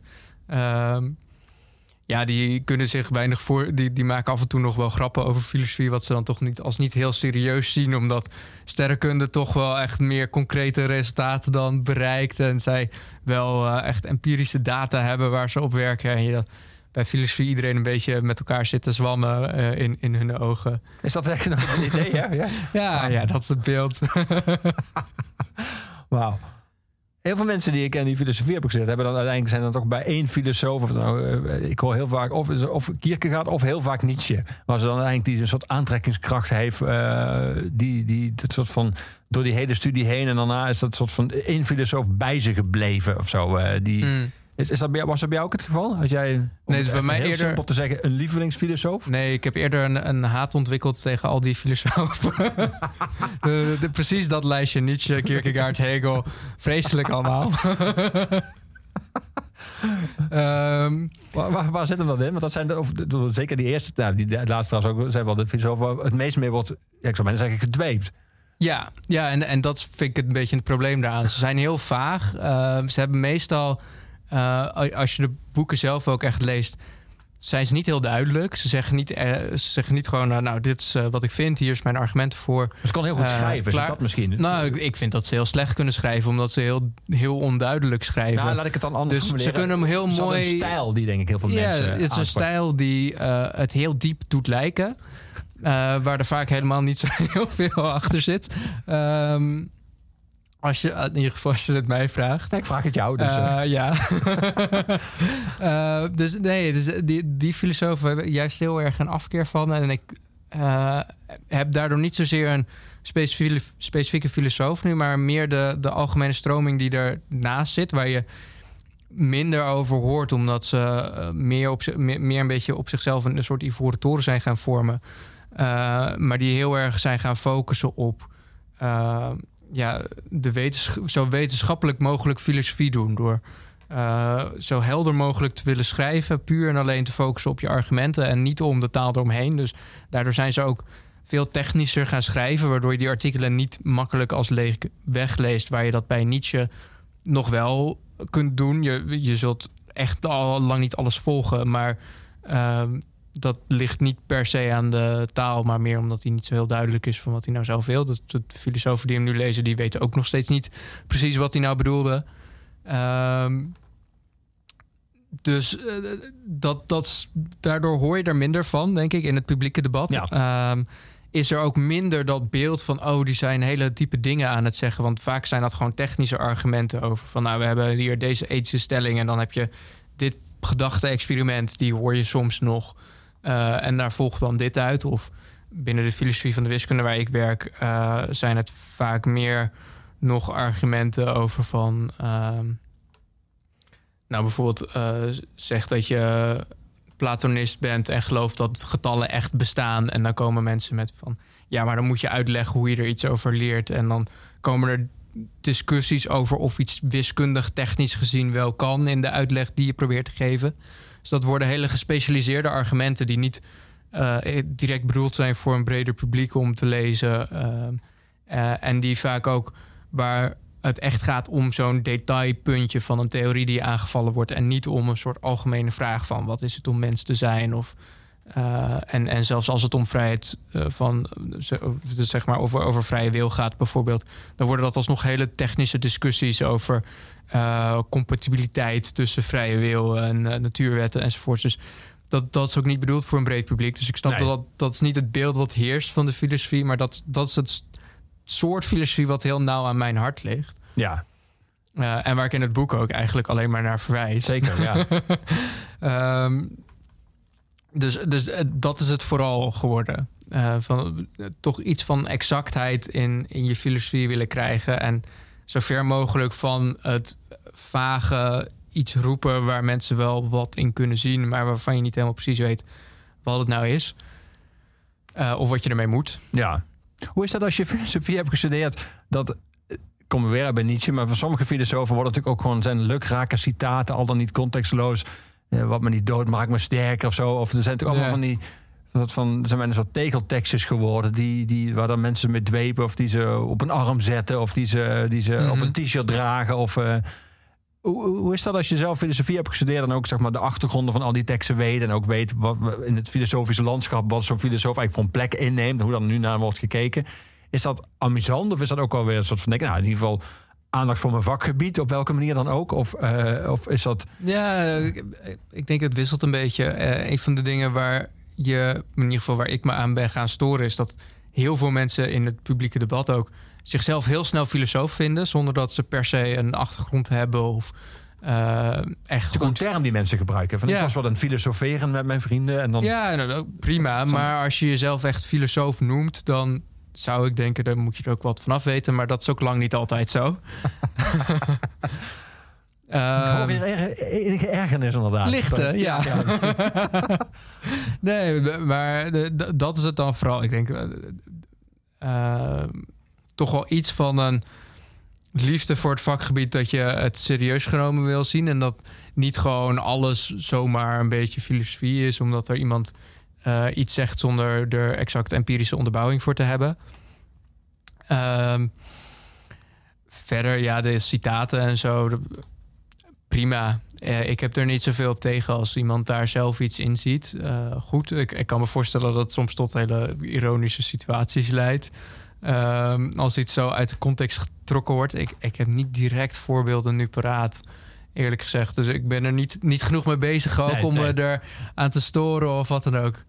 Toen jij afstudeerde eh, aan de Universiteit van Leiden, ging je naar Zweden om Mhm. Ja. daar eh, te promoveren. Eh, waarom?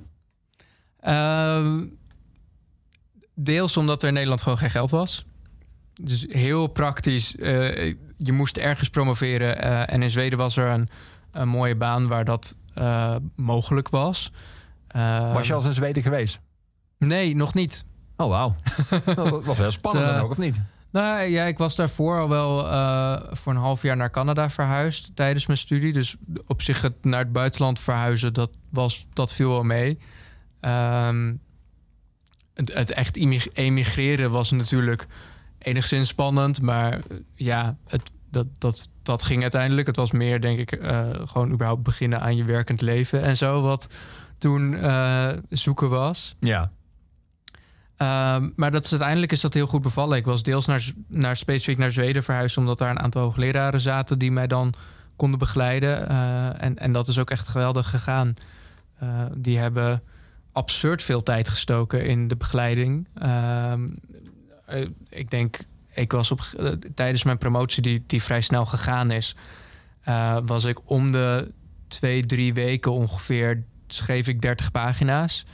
Eh, en zij lazen die dan ook om de drie weken. En daar zaten we dan vervolgens twee, drie uur lang over te praten. Waar zij gewoon alles weer helemaal eh weerlegde wat ik maar had opgeschreven. Dus het was gewoon twee uur lang kritiek op wat ik dan ook gedaan had.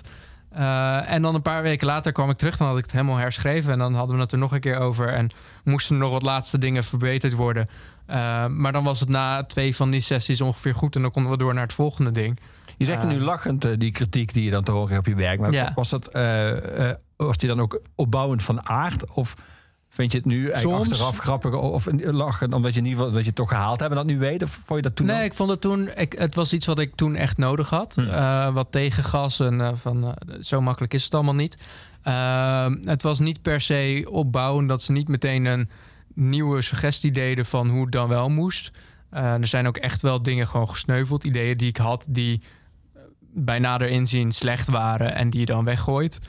Ehm, of die op een hele andere manier uiteindelijk terug zijn gekomen.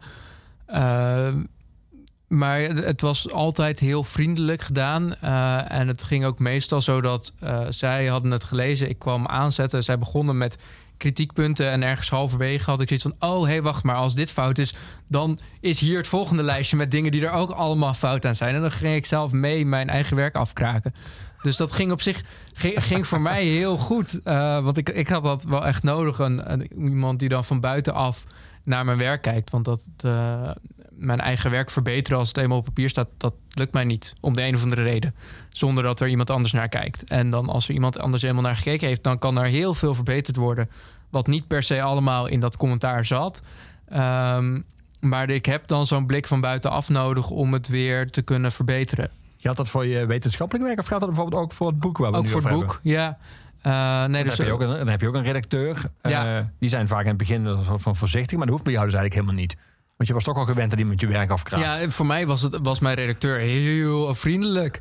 Het was, het, ik was geschokt de eerste keer dat ik met een redacteur ging werken. Hoe ontzettend opbouwend en meedenkend het commentaar niet was. aan, eh, de fragiele ego's van schrijvers. Niet aan iemand die eh, Ja, zelf nee, en heel precies. enthousiast gaat mee afkraken. Dat ja, niet wat ja dus dat zijn. ging. nou, en, en dat is nu ook nog steeds eh, voor, voor de afgelopen twee boeken is mijn schrijfwijze. Is ik schrijf een eerste versie. Eh er komt commentaar van de redacteur. Ik gooi vervolgens alles weg. En ik begin gewoon vanaf blanco opnieuw. Je gooit je hele document Ik gooi mijn hele document weg en ik begin gewoon opnieuw met schrijven. Eh, en, en dan die tweede versie is vaak ook echt een stuk beter dan de eerste. Want daar zit al dat commentaar meteen in ver- doorverwerkt. Maar waarom zou je als... De, de enige kritiek is dat op pagina 17 een komma te Nou, maar dat is natuurlijk niet het enige kritiek bij je eerste versie. Eh, de eerste versies, die, daar zit nog heel veel. Dan ben je aan het zoeken. In ieder geval ben ik nog aan het zoeken van: oké, hoe moeten, welke ja, onderwerpen moeten er precies in? Welke verhoudingen? Wanneer wordt het te technisch? Welke voorbeelden zijn wel leuk, welke niet? Ja, Eh, dus dan ben ik ook daar nog heel erg naar aan het zoeken. En dan, nou ja, de eerste versie probeer je wat. En dan zie je aan de hand van het commentaar wat wel werkt en wat niet werkt. maar wat wel Eh. werkt, kun je toch behouden? Nou, maar dat, dat herformuleer ik dan. Of dat komt dan net in een andere context. Omdat het hoofdstuk anders, eh, voor, anders vormgegeven wordt. Ja, ja. Ehm, dus het is niet zo dat... eh, de, ik bedoel, de inhoud die verandert niet per se heel veel. Maar de formuleringen en die veranderen vaak wel. Je hebt dan niet Eh, dat je bijvoorbeeld als je aan die tweede versie bezig bent en je bent dan aan het zoeken naar een formulier en dat je denkt, oh, hoe had ik dat nou die eerste keer ook alweer geschreven? En- Of dat je denkt van ik heb het nu Nou, ik het er een beetje bij. Ik, ik hou het er nog wel een beetje bij, maar ik ben het niet letterlijk, meestal niet letterlijk aan het overtypen. Nee, Dus Interessant. het, wordt, het, het verandert wel echt. En dan daarna, na die tweede versie, dan is het gewoon doorwerken in dat document. En Want dan zijn meestal de commentaren een stuk kleiner. En dan zijn de grootste stappen wel versie gemaakt. 2 mag blijven. Die versie niet- 2 wordt uiteindelijk een versie 5 of 6. Oké. Maar die gaat eh, niet meer de prullenbak in. die gaat niet meer de prullenbak in. Maar de eerste versie gaat eigenlijk standaard de prullenbak in. ja. En dat werkt heel goed. Ja, ja, zoals Dr. Phil altijd zegt, whatever works. Ja, Toch? precies. maar mijn redacteur vond het ook een beetje raar toen ik dat bij het eerste boek ging doen. En toen de tweede versie opeens heel anders was. Ja, Ja, ik denk dat de meeste redacteuren als ze van een schrijver horen. Ik heb versie 1 na onze vervolg helemaal weggegooid. Dan denk ik, oh jee, oh jee, wat heb ik, heb ik te lomp Ja, dat- gezegd? nou, dat hadden ze nu bij dit boek ook. Ik had zoiets van, oh ja, nee, maar ik ga versie 1 gewoon weer weggooien. Want dat toen. werd ik ook een beetje aangekeken van, ja, maar, maar versie 1 was best wel aardig. dat versie 2 weer een stuk beter was, ja, oké. Ja, Maar ik werd wel weer even raar aangekeken, ja. ja. Inmiddels, eh, dit is enkele jaren geleden, dat promoveren. Eh, ken jij het Zweedse model natuurlijk helemaal op jou? Het, het veel, veel geroemde manier waarop Zweden zijn verzorging staat. De Zweedse aanpak van corona hebben, enzovoort, enzovoort. Ben je helemaal eh, verzweet inmiddels? Eh, nee, nee, ik ben ook deels terugverhuisd naar Nederland... omdat ik niet genoeg aan het integreren was in Zweden. Eh, Voor jezelf, of ben je uitgezet? Nee, vond ik zelf. Oké, oké. Mijn werk is officieel nog in Zweden, dus ze hebben me er, er nog niet uitgezet, eh, gelukkig. Wat is het grote verschil tussen Zweden en Nederland vooral? Ehm, ik denk het voornaamste verschil is dat Zweden is heel erg gefocust op eh, consensus. Eh, en op het idee dat iedereen gelijk is, maar in Zweden ook vooral heel erg iedereen een beetje hetzelfde hoort te zijn.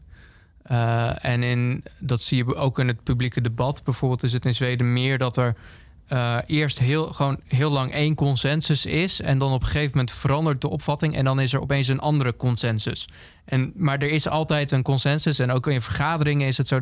Er, er, er wordt pas een beslissing genomen als echt absoluut iedereen het erover eens is. Dat- Ehm, Dat, dat, wekt, ik weet dat niet, maar dat wekt in dat die vergaderingen ook best wel lang duren dan, of niet?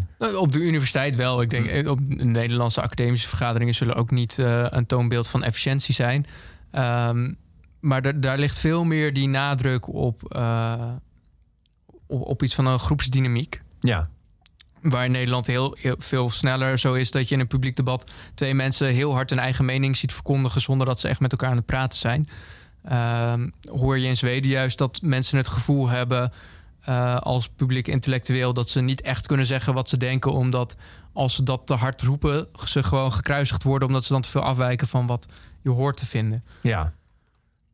Wordt er dan ook over het algemeen omzichtiger gepraat inderdaad? Of, eh, Die- Ik denk dat gevoel hebben, de, hebben die mensen wel echt. Ja, ja. Ehm, eh, en het is daardoor ook lastiger om af te wijken van de rest. Dus eh, wat, waar ik deels eh, last van had, was dat ik eh, natuurlijk bekend kwam te staan als degene die met 20 gepromoveerd was. En heel, heel snel door dat academische traject heen liep. ja, en, je was de het daar- jongste ooit in Zweden. Ja. ja dat was Ja, wel een, met- een ding, neem, neem ik aan daar. Ja, absoluut. Dat was daar toen echt een ding. En de, over het algemeen, de mensen die mij niet kenden, vonden dat allemaal prima. Voornamelijk leuk en grappig dat dat kon en zo. Ehm, dus dat, die reacties waren voornamelijk positief. Maar eh, bijvoorbeeld mijn collega promovendi... die vonden het wel echt heel lastig... dat er opeens iemand zo uitstak... waar zij dan het gevoel mee hadden dat ze moesten concurreren en zo. Dus die, die gingen vervolgens allemaal... eh, niet, niet alleen dat ze puur jaloers werden... maar het was meer zo dat ze ook het idee hadden... dat als ik dan iets vertelde en ergens enthousiast over was... zoals je denk ik logischerwijs doet als, er, als, als je een publicatie hebt of zo... of eh, je, je filosofie ergens in de media kunt ver- nou ja, verkondigen... Ja. eh, dat dat iets goed is waar je een beetje enthousiast over vertelt... en dan, oké, klaar, daarna hou je weer mee op. Maar dat, gewoon puur dat was al arrogant in Zweden. Ehm, dus je kon ook niet vertellen wat je bereikt... eh, omdat zodra je iets bereikt wat er bovenuit stak... dan moest je vooral je mond dicht houden... en ervan uitgaan dat de rest het op een andere manier wel zou horen. Het grappige is dat sommige mensen vinden dat in Nederland al een soort van geniveleerde cultuur heerst. Maar vergeleken daarbij is dat... Minder. ja, Ja, dit is daar een soort van ja dat is net uit- wat... meer uiterste vorm van. Ja, Ja, Ja, en het is op zich. Zweden focust daardoor meer op gelijkheid en gelijke kansen. eh, heeft ook bijvoorbeeld een, nog het universitaire systeem waar veel meer geïnvesteerd wordt in ervoor zorgen dat iedereen naar de universiteit kan als ze dat willen. En eh, investeert meer in wetenschap. Dus er zijn voor- en nadelen van. Ehm, maar dat maakte het voor mij lastig om, er, om te zeggen van... oké, dit is een land waar ik voor de komende 10, 15 jaar ga wonen. Ja, snap ik. We gaan muziek draaien. In 1985 eh, verscheen het album Artificial Intelligence van eh, John Cale. En dit is het openingsnummer ervan. Every Time the Dog Barks.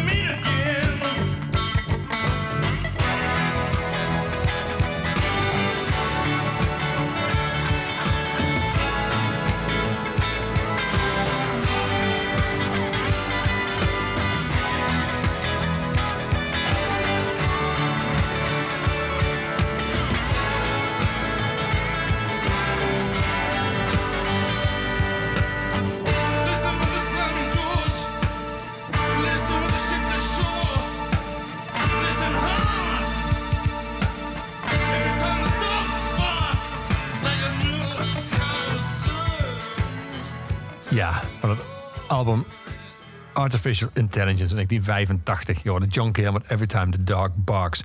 Is je bevallen, Stefan? Het is niet bepaald. Het is niet je eerste boek. Je hebt een boek voor kinderen geschreven. Mhm. En hiervoor eh, ook een ander boek over eh, populaire wetenschap. Ehm, bevalt het je? Kennelijk wel. Ja, Schrijven. zeker. Ja. Ja. Ja, dat ligt goed. Ehm, en zeker bij dit boek ook gewoon alleen al het zoeken van alle komische voorbeelden die erin staan beviel heel goed. Ehm, nee, maar het, het proberen om ook voor mezelf zo'n beeld te vormen van een onderwerp en dat dan eh, ja, te, te communiceren naar anderen is wel iets wat mij goed ligt, denk Ja. ik. ja. Wat ik ook gewoon leuk vind, ja. Jouw slotsom is eigenlijk heel genuanceerd uiteindelijk. Je zegt, er zijn, het biedt heel veel kansen. Mhm. Er zijn wat gevaren, maar die hebben we eigenlijk zelf in de hand. Eh, het is op op Ja. zichzelf een systeem dat geen inherente gevaar heeft, want die kunnen we zelf eh, voeden en ook bijsturen. Dus in die zin is het een heel genuanceerde balans die je opmaakt van eh, kunstmatige intelligentie. Ja, ik denk, en ik, ik hoop ook dat het boek dat eh, beeld wekt bij mensen, dat het echt een middel is. Eh, net zoals een geweer een middel is, wat je voor van alles en nog wat kunt gebruiken. Eh, het, het punt, het, in ieder geval, het, het misschien het moeilijke ding aan kunstmatige intelligentie is dat het nadelen, of in ieder geval eh, nadelen heeft, of op punten minder goed werkt, die je niet zo goed zou verwachten als je niet goed weet hoe het werkt. Dus als je gewoon blind gezichtsherkenning gaat toepassen, dan kun je misschien niet aanzien komen dat het eh, nou ja, domme fouten maakt als mensen kleurrijke brillen opzetten. Ehm, En daardoor soms, je laat foto's zien voor totaal andere mensen worden ja, ja, precies. Dat je gewoon, dat je gewoon opeens voor een supermodel aangezien wordt. Gewoon omdat je een eh, rood-gele bril op hebt gezet. Eh, dat, dat zie je niet aankomen als je ze gewoon gebruikt. Ehm er las laatst ook een studie eh, van medische kunstmatige intelligentie... die dan tumoren moet op, opzoeken op scans. En die werkte slechter als je er meer scans in stopte. Dus meer data deed hij het slechter. dan minder data. Dat, dat zou je ook niet verwachten. Nee, want je, Als je- uit je boek het wat in de medische wereld, bijvoorbeeld bij longkanker, werkt Ja. het juist heel goed om het op te sporen. Beter soms zelfs al dan menselijk handelen. Ja, onder labcondities. Dus in de praktijk is het nog altijd moeilijk. Ehm, ook omdat je longscans niet altijd perfect zijn en zo. Maar in, in gecontroleerde situaties werkt het heel goed. Eh, je kunt dan alleen nog steeds hebben dat je er dus eh, de mogelijkheid bij krijgt om meer scans te geven van dezelfde patiënt als je het zelf niet helemaal zeker weet. Eh, en dan heb je opeens het nadeel dat het programma minder goed kan gaan werken. Zonder dat hij het zelf aangeeft dat hij minder goed werkt. Want Ja. dat zelfbewustzijn heeft die computer dan weer niet. Nee. Ben je daar klaar mee nu, het onderwerp? Of zou je er zo nog een vervolgboek over kunnen schrijven met alles wat je nog tegenkomt en niet hebt kunnen gebruiken? Of alles wat je nadien al nog hebt eh, aan kennis vergaat? Of is het, sommige mensen hebben even het- zo'n onderwerp uitgediept voor een boek, zijn ze ook wel even soort van klaar met het onderwerp. Soort van, Ja, ik ben, ik ben er nu een ben je AI moe? Nee, ik ben er nu een beetje naar aan het, aan het zoeken voor mezelf ook. Maar ik, ik heb het idee dat ik er nog niet echt klaar mee ben. Eh, in ieder geval ook niet met, het, eh, met de boodschap dat er nog heel, heel, een heel aantal van die aspecten van die kunstmatige intelligentie zijn die gevaarlijk kunnen zijn. Zoals dat hij het minder goed doet bij meer scans of dat hij rare dingen doet in randgevallen. eh, waar nog niet echt heel veel aandacht naar uitgaat. Dus waar nog heel weinig bewustzijn van is, ondanks dat die, te- die technieken wel heel veel gebruikt worden. Eh, en dat daar ook echt nog wel wat te winnen valt. Ja. Ehm, dus ik denk dat ik nog met gewoon kunstmatige intelligentie over het algemeen best nog wel een tijdje zoet kan zijn. Ehm, het is even zoeken hoe precies. Ehm, maar ik denk niet dat het per se bij dit boek hoeft te blijven. Dat er echt nog wel meer is om te zeggen ook. ehm, of het dezelfde hoofdboodschap, maar dan nog weer op andere manieren. Ja, ja. Dankjewel, Stefan, dat je was vandaag in Oeverloos. Ja, dankjewel. AI alsmaar intelligenter eh, is uitgegeven door de Bezige Bijen. Ligt nu in iedere boekhandel. Je luistert dan naar Oeverloos. Iedere week te luisteren we Kink via alle streamingplatforms. En de Kink site en de Kink app. En Oeverloos wordt je aangeboden door de muziekgieterij. Het grenzeloze muziekpodium. Het laatste nummer is altijd van Luc de Vos. Onze postuum huisdichter van Gorky. En het, ik, heb zitten zoeken in een hele catalogus van eh, Gorky... welk nummer het be- beste past bij eh, het boek van Stefan en bij dit gesprek. En dat is uiteindelijk toch het nummer Soms vraagt de mens zich af. Hier is Gorky.